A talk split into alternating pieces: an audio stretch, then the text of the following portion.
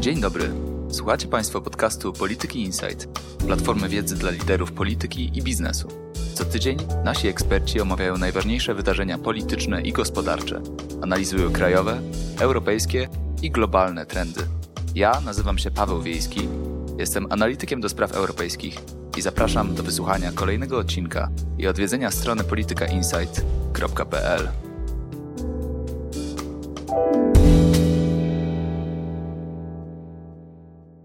pierwszej części naszego podcastu rozmawiam z europosłem Łukaszem Kochutem w jego biurze w siedzibie Parlamentu Europejskiego w Brukseli. Nasz rozmówca dostał się do Europarlamentu z listy Wiosny na Górnym Śląsku i zasiada w unijnej frakcji socjalistów i demokratów. Jest członkiem Komisji do Spraw Przemysłu, Badań Naukowych i Energii. Rozmawiamy o zaproponowanym przez Komisję Europejską projekcie Europejskiego Zielonego Ładu. Panie pośle, poznaliśmy wczoraj projekt Europejskiego Zielonego Ładu. Czy to Pana zdaniem jest rewolucja, czy raczej po prostu kontynuacja jakiejś polityki klimatycznej, którą prowadziła Unia? No myślę, że to jest symbol naszych czasów, że Europejska Wspólnota Węgla i Stali będzie teraz pomagać gospodarce europejskiej, żeby była kompletnie zielona, że 2050 rok to tak data graniczna, gdzie mówimy o dekarbonizacji już Europy. To jest swego rodzaju rewolucja, jeśli chodzi o myślenie, natomiast jeśli chodzi o ten czas, to jest to ewolucja, bo to i tak by się stało prawdopodobnie. Zresztą podobnie na Śląsku, gdyby nie było tego Europejskiego Zielonego Ładu, to i tak przecież musielibyśmy odchodzić od węgla, bo po prostu tych złóż nie jest aż tyle, żeby nie tak jak prezydent Duda twierdzi, że jest na 200 lat, ale to po prostu jest nieekonomiczne, bo one leżą bardzo nisko. Więc to jest ewolucja i ja się cieszę, że generalnie te pieniądze na tą zmianę będą. Bo i tak ta zmiana musiałaby się odbyć na przykład na Śląsku. Dekarbonizacja całkowita gospodarki do 2050 roku, no to wydaje się taki cel zupełnie niesamowity z dzisiejszej perspektywy. Co będzie musiało się zmienić w gospodarce europejskiej, żeby ten cel osiągnąć? I jak Unia może na to wpłynąć? Znaczy na pewno inwestycje w, w nowe technologie i w OZE. To jest bezsprzeczne i tutaj moja rola też jako posła z województwa śląskiego, ze Śląska, taka, żeby Śląsk nie został jakimiś tam slumsami Europy, tylko żeby rzeczywiście ten zielony biznes rozwinął się właśnie na terenie województwa śląskiego. Czy to jest rewolucja? No jest przecież wiele już krajów, które od węgla odeszły i odchodzą, więc tak jak mówię, ja uważam, że to jest mimo wszystko ewolucja i bardzo się cieszę, że pojawiły się tak duże kwoty na ten Fundusz Sprawiedliwej Transformacji. Dwa tygodnie temu spotkałem się w Strasburgu z Francem Timmermansem, rozmawialiśmy o Śląsku. Franz Timmermans pochodzi z Limburgii, też z pogórniczego regionu Holandii. Wręczyłem mu śląską flagę, nawiązałem dobre połączenie z nim i mam wrażenie, że doskonale rozumie w jakiej sytuacji jest Górny Śląsk i że tutaj te pieniądze spłyną szerokim strumieniem. No właśnie, ale taka całkowita dekarbonizacja, również na Śląsku, będzie wymagała nie tylko odejścia od węgla, ale również od użycia paliw kopalnych w innych sektorach gospodarki. Czy Śląsk jest gotowy na to, żeby całkowicie odejść od spalania czegokolwiek? Znaczy, na razie przede wszystkim czekamy na szczegółowe dyrektywy, bo my na razie dostaliśmy tak naprawdę program Zielonego Ładu na takim bardzo ogólnym poziomie, więc my nie mamy do końca szczegółów, jak to ma dokładnie wyglądać. My wiemy, jaki jest kierunek tych zmian, wiemy, jak ma wyglądać generalnie gospodarka w 2050 roku, ale nie znamy jeszcze szczegółów, więc takimi szczegółami czekałbym jeszcze do przyszłego roku, wtedy, kiedy będą ogłoszone te poszczególne ramy odchodzenia. Więc nie wiem dokładnie, jak to ma wyglądać, więc nie chcę się w tej sprawie wypowiadać szczegółowo. Natomiast wiem jedno, że ten kierunek jest słuszny. Byłem chyba jedynym posłem z województwa śląskiego, który zagłosował za tym, że mamy problem z klimatem, że mamy stan nadzwyczajny. Jednym z dziewięciu w ogóle polskich europosłów, który zagłosował za tą rezolucją, bo naprawdę mamy ogromny problem, szczególnie w województwie śląskim, szczególnie w moim regionie, w okolicach Rybnika, ze smogiem. Normy PM10 i PM2,5 są przekroczone średnio o 1000% przez 4-5 miesięcy w roku. I ludzie po prostu umierają na raka i mają wiele innych schorzeń, więc to jest absolutnie problem, który musimy rozwiązać. I myśli pan, że nowy rząd Prawa i Sprawiedliwości będzie się jakby bardziej zajmował tymi kwestiami zmian klimatu, ale również jakości powietrza, dlatego że no, nowo powołane Ministerstwo Klimatu ma się zająć również problemem zanieczyszczenia powietrza. Myśli pan, że to jest krok w dobrą stronę? No jestem bardzo ciekawy, jak zachowa się poseł z Katowic, Mateusz Morawiecki, który przecież powinien dbać o swój region. Mam wrażenie, że będzie na tej Radzie raczej hamulcowym tych zmian. No ale zobaczymy. No, myślę, że jest to duża szansa dla Polski, dla Śląska, żeby właśnie tą transformację zrobić przy okazji też tego Green Dealu. No pytanie, jak to będzie komunikowane ze społeczeństwem, bo przecież tutaj mówiło się o, o 200 latach wydobycia, o tym, że węgiel to czarne złoto na kolejne dekady. No i najbardziej mnie interesuje tak naprawdę, jak oni to PR-owo rozegrają, bo mają na pewno z tym problem. No właśnie, czy taka pozytywna deklaracja, że odchodzimy od węgla nie spotka się z jakimś ostrym sprzeciwem społecznym? Czy nie będzie w Polsce żółtych kamizelek? To znaczy, ja myślę, że generalnie na Śląsku ludzie wiedzą, jak jest, jak będzie. Górnicy są świadomi tego, co czeka ten ciężki przemysł na Śląsku i mam wrażenie, że na Śląsku jest większe zrozumienie dla tej sprawy niż w Warszawie, paradoksalnie.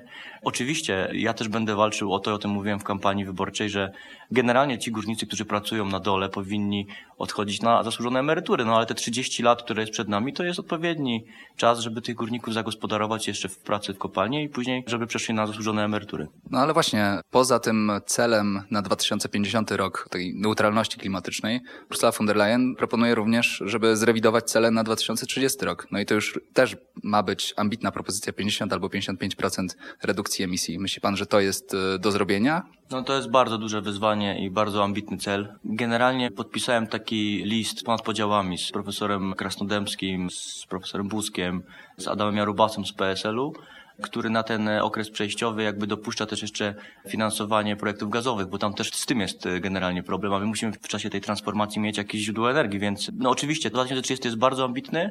No zobaczymy, jakie będą te dyrektywy, jakie będą te projekty w ramach Green Dealu i wtedy będziemy na pewno mądrzejsi. Jako europoseł, czy zagłosowałby pan za zaostrzeniem tego celu? To jest kwestia też jakby szczegółów. Tak jak powiedziałem, generalnie głosuję za, za wszystkimi zielonymi projektami w Parlamencie Europejskim i zagłosowałem za tą rezolucją klimatyczną.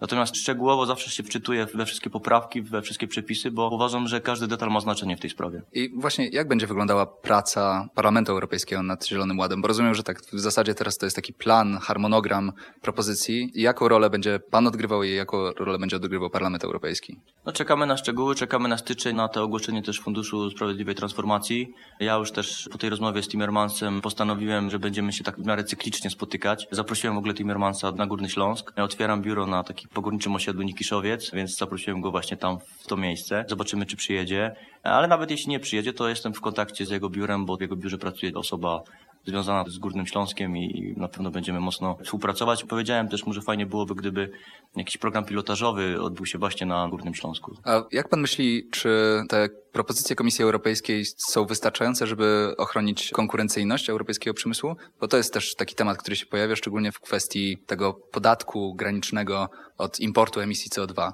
Myśli pan, że to jest jakaś propozycja, nad którą należy pracować? No myślę, że tak, że tu akurat dobrze, że pojawiła się ta propozycja. No tutaj ten podatek węglowy, bo tak się dokładnie nazywa, to jest dobre rozwiązanie, bo ten import jest ogromny, zwłaszcza z Rosji przecież, jak, jak wiemy, że w Polsce jest bardzo podobnie.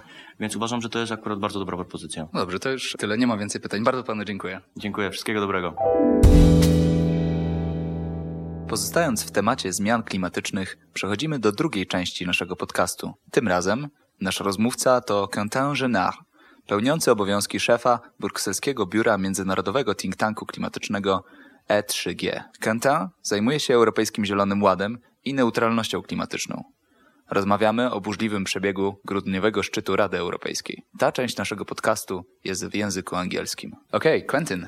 So, could you tell us what happened last night at the European Council? Drama. That's what happened. So we went into the council with little or no clarity as to whether we would be in agreement on the long-term goal for climate in Europe.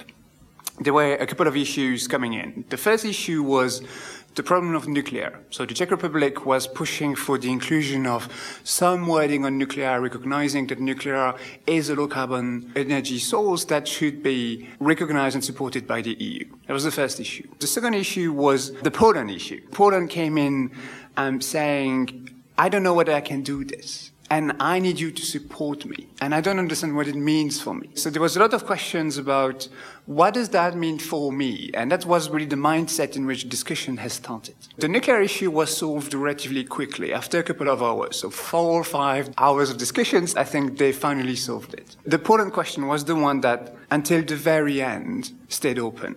So if we remember in June 2019, when there was the last discussion on this, it was Poland, the Czech Republic, Hungary, and Estonia that blocked the adoption of conclusions, the adoption of the target. This time it's only Poland. So Poland, at the end of the day, has been isolated. They got an exit clause or an implementation opt-out, if you want, but But it's a fudge. Nobody really understands what that means, and it just creates more confusion rather than it solves anything. So, what does it say exactly? I mean, what's in the conclusions? Because the wording is quite weird, isn't it? It is. So, looking at the press conference after, the two leaders, Charles Michel, the new president of the European Council, was proudly claiming that you know European politics can be very creative and imaginative, and this is an example of that. So, I think that's how we need to read it. The text says. European leaders commit the European Union to become climate neutral by 2050. One country, not pointing to Poland, not mentioning anyone, but it's Poland, it's been said during the press conference. One country, however, has reservations as to how it will implement it to the extent it is concerned. So what it means is they agree that there is an EU-wide target, but they don't yet agree as to what that means for them and how they will contribute to that target. And finally, there is a time limited clause because European leaders will revisit the issue at their meeting in June 2020. So they want some time, but it's not over yet. It's a, it's a, discussion that will continue. The question of timing is interesting, I think, because supposedly the project of European climate law with the target for 2050 is supposed to be introduced in March. And then the European Council is going to happen in June what are they going to talk about if the climate law is going to be adopted? Absolutely right. So I think we're seeing two tracks happening simultaneously around EU 2050 long-term target. You got the very high political track, which is the European Council that we saw yesterday, that we're going to see again in June. And then you have the more common legislative track, where the Commission puts a proposal on the table, the Council and the Parliament discuss it. And that's what the European climate law that the Commission will put forward in March will include the target of net zero by 2050 that will go to the Parliament and the Council. They will both agree their position, they negotiate together to reach an agreement. So what you really have is just the Commission moving forward, no matter what. But the decision at the political level, at the European Council, will happen before the decision on the legislative file. Just because it takes more time, you will not get a final agreement on the climate law before the end of 2020 while the aim is to wrap up the discussion on the net zero target as soon as possible and by June at the latest. So it's an extra pressure that you put on leaders saying, whatever you decide is going to be in law, so you better move on with it and put your conditions attached to it. So, from what I understood, Poland wanted also some specific arrangements when it comes to financing. And do you think that this European Council will contribute to Poland achieving its goal of getting additional financing? What's your take on that? So it's been one of the main requests by the Polish government for the last couple of months and weeks. They've been very explicit about that. So that's a good thing. At least we can negotiate with that. That's positive. We should not forget that there is the Just Transition Fund, which originally is the idea of Polish MEP Jerzy Buzek. That was his baby. He pushed it through the parliament. The commission picked it up and then make it bigger. So the Just Transition mechanism is 100 billion euros over the next seven years. It's more complicated once you start looking into details. It's not always fresh money. Sometimes you get the European Investment Bank that has to come to leverage private funding into it. So the mechanism can be complicated, but it's 100 billion euros that will help the decarbonization of the economy. And that comes on top of all the regular funding channel like cohesion policy, like the agricultural policy. So it's on top of that. It's some reblending, but it's an extra source of money. That's something that Poland has secured. The second thing is, and that was probably what the Polish negotiators wanted, is the MFF, the long-term budget of the EU, is clearly the priority number one for Poland. I think it's even higher than climate policy. So you can read today's conclusions or yesterday's conclusion as a way for Poland to keep the pressure as the discussion, the negotiations on the long-term budget unfold. Because there is no agreement on how the EU will spend its money in the next seven years. The next crash point is going to be in February. In February, there will be a special European Council to discuss only the long-term budget. That happens to be during the exceptionalism period, if you want. So it's another way of Poland to just bring it back into the fold, saying, look, we still have that issue that we need to resolve. We want to see the money. Show us the money we're going to support. The one issue is it's unclear whether that's going to play in their favor, whether they're going to be able to leverage that, or whether it's actually going to hinder them because they're playing really hardball and they, they're not making only friends on the way. Yeah, the question of friends is interesting because it seems that after the June Council, we had some friends with us standing tall uh, against the EU climate policy, but now it seems that our friends have abandoned us. Poland is isolated. I think it's really clear. So Estonia revised its position relatively quickly after the June Council, and there was an official Estonian government communication on this, very explicitly saying we support climate neutrality, and we haven't heard from them yet. They completely support, they're fine with it. The Czech Republic and Hungary is the other matter at hand. The Czech Republic focused on nuclear. For them, it was more nuclear than funding. It was also funding, but I think when the Commission came out saying we're going to propose a just transition fund, it impressed everyone because of the share of it. So that discussion kind of died down a bit. And Hungary and the Czech Republic at the end let Poland go along. And Poland is the only one with an exception in the conclusions. But what does the conclusion really mean for Poland? It's up for debate, I think. Let's talk about the EU Green Deal for a second, because it seems like it has gotten off to a bad start. A bit more than a day after it has been announced, it has already been criticized in a very definitive way by one country. Do you think this is going to be an obstacle to implement it? I would separate the discussions to a certain extent. Of course, when European leaders say something, we usually all listen. But the Commission will continue and push its agenda no matter what, because it's resilient to the will of the Council because most of the initiatives that they're going to put forward are through co-legislation, it doesn't really matter that Poland is this exception at the moment, because the Commission will pull the legislation forward, and Poland will have the opportunity to discuss it at a later stage. If you look at the European Green Deal overall, it, it's a very impressive list of policies. And there is something for everyone. So Poland was really keen a couple of weeks ago to push for the carbon adjustment mechanism. The idea that you would tax the products with a higher carbon footprint when they enter into European territory so that you privileged European products. And that was an idea that Poland was really favorable. It's in there. So they might not like all of it, but it definitely like part of it. So I wouldn't say it's a harsh criticism towards the European Green Deal. I would say they don't like the headline of it, but they're probably going to like the fine print because there is something in there for everyone. I think that's really the balance of what the European Green Deal is trying to achieve is we're going to protect you more from undue competition. We're going to revise what markets are. We're going to revise some of the macroeconomic rules. But in exchange for that, we want you to, to decarbonize. So that's the trade. That's the deal really at the core of the European Green Deal. And so I think the Polish government has many things to like into it. Right. But is EU's reputation at the global stage going to suffer as a consequence of today's failure? Because today is also the last day of the COP. And it seems that uh, the EU, once again, doesn't have much to show. The main problem is the EU in this specific case really has taken all the hype out of the decision.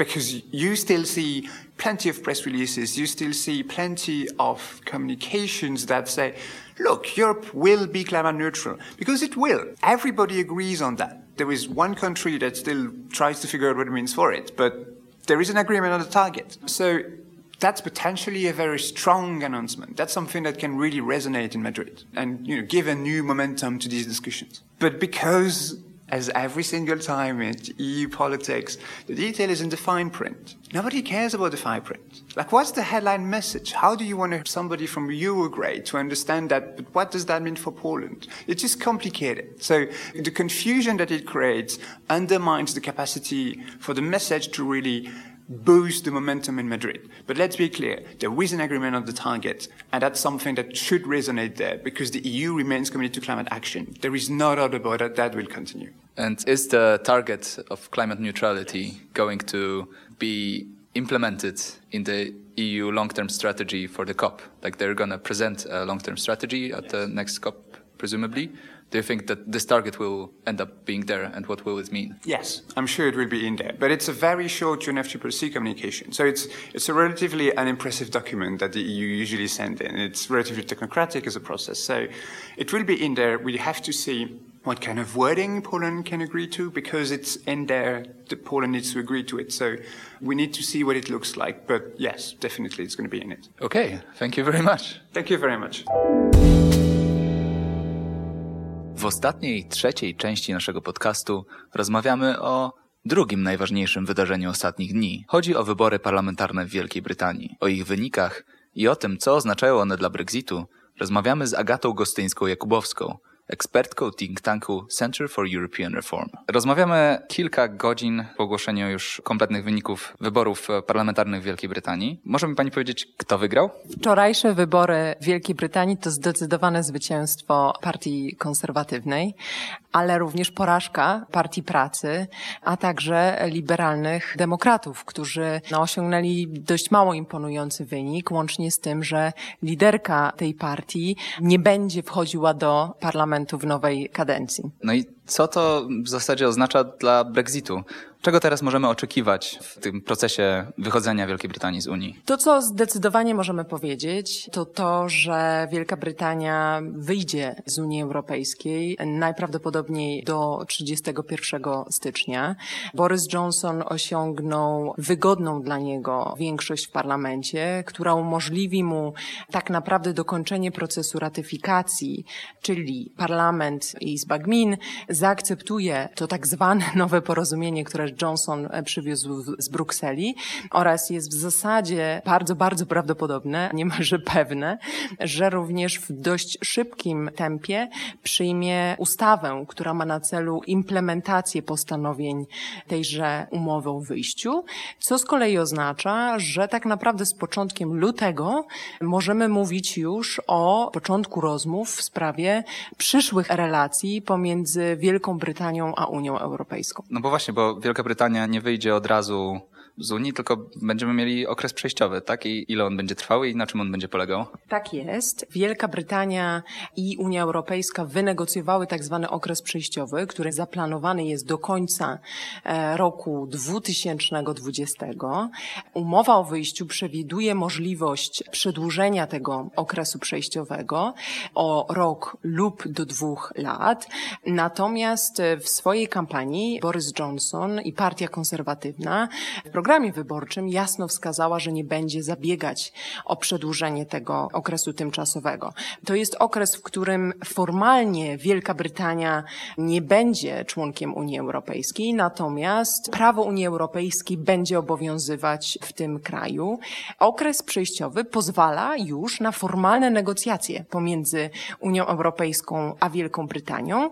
No tylko, że oczywiście mamy bardzo mało czasu na te negocjacje. No właśnie, bo to jest tylko 11 miesięcy i z tego co wiem, to żadnej umowy handlowej z Unią Europejską nie udało się wynegocjować w tak krótkim czasie. Wynegocjowanie umowy o przyszłych relacjach rzeczywiście w tym bardzo krótkim okresie będzie niezwykle trudne. Wydaje mi się jednak, że jeśli mówimy o bardzo, bardzo podstawowej umowie handlowej, którą po angielsku nazywamy bare bones agreement, to rzeczywiście szanse na wynegocjowanie takiego porozumienia są. Ja bym tych szans totalnie nie przekreślała. Oczywiście po wczorajszych wyborach pojawiają się spekulacje, czy Boris Johnson ostatecznie nie zdecyduje się poprosić o przedłużenie tego okresu przejściowego, tak aby wynegocjować bardziej ambitne stosunki z Unią Europejską, bo pamiętajmy, no oczywiście chodzi o relacje handlowe, tak aby uniknąć handlowania pomiędzy między Wielką Brytanią a Unią na podstawie zasad Światowej Organizacji Handlu, które nie są jakoś bardzo korzystne, ale chodzi również o szereg innych polityk, w tym między innymi przyszłe relacje w zakresie bezpieczeństwa, tak, spraw zagranicznych i to, co również bardzo ważne, na przykład sprawy wewnętrzne. Ja osobiście uważam, że jest za wcześnie, żeby powiedzieć, jaką decyzję podejmie Boris Johnson. Wiemy, że rzeczywiście zdarzało mu się zmieniać zdanie. Udało mu się również tymi wyborami, a w zasadzie wynikiem osłabić wpływ tych tak zwanych twardych konserwatystów, którzy są zdecydowanie przeciwni takiemu przedłużeniu okresu przejściowego. Ale z drugiej strony ja nie mam jakichś wielkich dowodów na to, że Boris Johnson i jego administracja dotychczas no, chce jakiegoś bardziej ambitnego, czy bardziej ambitnych relacji z Unią Europejską. Wręcz przeciwnie, to co słyszę w różnych różnych korytarzach wskazuje jednak na to, że Johnson no, ma jakieś niewielkie ambicje co do tych przyszłych relacji. Właśnie, a jakie korzyści i jakie potencjalne straty wiążą się z taką podstawową umową handlową? No oczywiście taka bardzo, bardzo podstawowa umowa handlowa no nie jest y, dobra dla w zasadzie szeregu podmiotów gospodarczych w Wielkiej Brytanii, ale również w Unii Europejskiej. Zresztą już teraz mówi się, że Johnson powinien jednak pomyśleć o takich głębokich relacjach, które nie będą opierały się tylko na wymianie handlowej, jeśli chodzi o produkty, dobra, ale również jeśli chodzi o usługi, co oczywiście wiemy będzie wymagało więcej czasu. Kiedyś, aczkolwiek mam wrażenie, że to już jest e, dawna nuta, mówiono o bardzo takim złożonym partnerstwie, nawet przypominającym umowę stowarzyszeniową, tak, która by pokrywała w zasadzie wszelkie możliwości współpracy. No ale dzisiaj póki co o tym nie ma mowy. To, co na pewno moim zdaniem będzie kością niezgody pomiędzy Wielką Brytanią a Unią Europejską, to są przepisy dotyczące level playing field, tak? Jednak Wielka Brytania w zasadzie jest widziana tutaj przez Brukselę i przez stolicę, no jako jednak konkurent, który pojawia się nagle za rogiem. Więc wydaje mi się, że Unia będzie chciała dość takich rygorystycznych przepisów w tym zakresie. Chodzi tu między innymi na przykład o zapisy środowiskowe, tak? Ale generalnie mamy do czynienia z bardzo ciekawą dynamiką na brytyjskiej scenie politycznej, a to dlatego, że sam elektorat Borysa Johnsona, czy ogólnie partii konserwatywnej jest totalnie inny niż elektorat, który przyciągnęła partia konserwatywna w 2015 roku. To są ludzie, tu słusznie zauważył świetny zresztą ekspert Matthew Goodwin, to jest jednak starsze społeczeństwo, bardzo często klasa robotnicza, czyli zmienia się ta baza wyborcza konserwatystów. To są ludzie, którzy są mniej zróżnicowani kulturowo i będą chcieli no, bardziej protekcjonistycznego podejścia rządu Wielkiej Brytanii. Także te wszelkie dyskusje na temat tego, że Wielka Brytania mogłaby na przykład stać się Singapurem nad Tamizą, wydaje mi się, że nie spotkają się zbyt dużym zrozumieniem, przynajmniej w gronie tych wyborców. I czy to oznacza, że Wielka Brytania będzie również mniej otwarta na imigrantów, na przykład z Polski? Jest to prawdopodobne. Wydaje mi się, że nie można wykluczyć tego scenariusza. Zresztą administracja Borysa Johnsona już ujawniła wcześniej pewne swoje propozycje, które miałyby też nawiązywać do systemu kwotowego. To, co oczywiście jest ważne dla nas, czyli dla obywateli Unii Europejskiej mieszkających w Wielkiej Brytanii, no to to, że prawa tych, którzy już są w Wielkiej Brytanii zostaną zagwarantowane, tak? To znaczy zostały zagwarantowane umową o wyjściu. Trzeba tylko tę umowę wdrożyć i oczywiście przestrzegać jej obowiązywania, czym będzie zresztą zajmowała się Komisja Europejska. Również w tym okresie przejściowym, w którym często analitycy mówią, niewiele się zmieni oprócz tego, że Brytyjczycy nie będą mieli prawa głosu. No, obywatele z państw Unii Europejskiej nadal mogą oczywiście przyjeżdżać do Wielkiej Brytanii, czyli ta swoboda przepływu pracowników, podkreślam, będzie utrzymana. No tak, czyli oznacza to również koniec niepewności. To może jest dobra wiadomość. Unia Europejska, mam wrażenie, że dzisiaj, czy liderzy, tak, i poszczególne stolice, dzisiaj obudzili się, bym powiedziała, z taką pewną ulgą. To dlatego, że rzeczywiście wczorajszy wynik, bardzo dobry dla partii konserwatywnej, daje nam pewność, co do procesu wyjścia Wielkiej Brytanii, tak? Tak jak podkreśliłam, w zasadzie możemy z pewnością mówić o tym, że Brytyjczycy wyjdą z Unii z końcem stycznia, co jednak nie oznacza, również ze względów, które zarysowałam, że mamy jakąś stuprocentową jasność co do tego, jak te przyszłe relacje będą wyglądały. No i pamiętajmy, że to hasło wyborcze Borysa Johnsona, czyli miejmy ten Brexit już za sobą, no mija się z prawdą, tak? Bo niektórzy uważają, że to tak naprawdę dopiero początek żmudnych i długich negocjacji dotyczących przyszłych relacji pomiędzy Unią a Wielką Brytanią. Wiemy już, jak Wielka Brytania wyobraża sobie te przyszłe relacje. Co będzie chciała osiągnąć w tych negocjacjach Bruksela? Mam wrażenie, że tak naprawdę dużo będzie zależało oczywiście od ambicji Wielkiej Brytanii, bo Unia Europejska może mieć ogromne ambicje i jakby tutaj wydaje mi się wszyscy są zgodni co do tego, że to jest bardzo ważny partner, strategiczny partner, z którym trzeba mieć bliskie relacje. Natomiast no, Unia tak naprawdę nie może wyjść ponad powiedzmy te linie brzegowe, które określi Wielka Brytania. To, co można już powiedzieć, to zdecydowanie to, że 27 zaczęła przygotowywać się do tej drugiej fazy. To znaczy powołała odpowiednie struktury negocjacyjne, które pomogą na sprawne rozpoczęcie tych rozmów. Zresztą mówi się również o tym, że tak naprawdę projekt mandatu negocjacyjnego jest już gotowy. Więc wydaje mi się, że możemy mówić o sytuacji, że w lutym Unia byłaby gotowa na te negocjacje. Czasami w mediach, w prasie pojawiają się komentarze, że ta druga faza będzie o wiele cięższa, trudniejsza ze względu na rozbieżne interesy państw członkowskich. Tak? To rzeczywiście w dyskusjach na temat umowy handlowej często wybrzmiewają partykularne interesy poszczególnych państw członkowskich. Niektórzy spekulują, że ta jedność Unii mogłaby zostać zachwiana.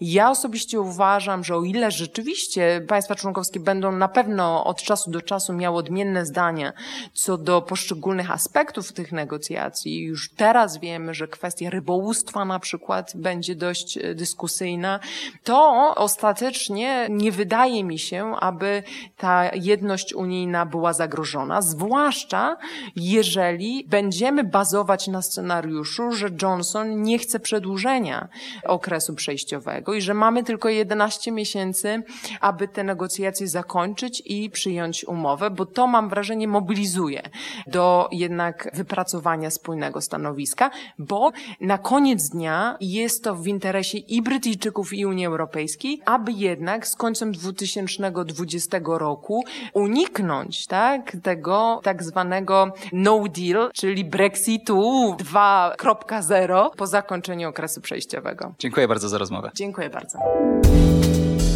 Na dziś to wszystko. Zapraszam w przyszłym tygodniu na kolejny odcinek podcastu Polityki Insight. Posłuchajcie również naszych innych audycji. We wtorki Energii do zmiany, a w środy Dużego Pałacu o wyborach prezydenckich. Znajdziecie nas na SoundCloudzie, Spotify, w iTunes i w Google Podcasts.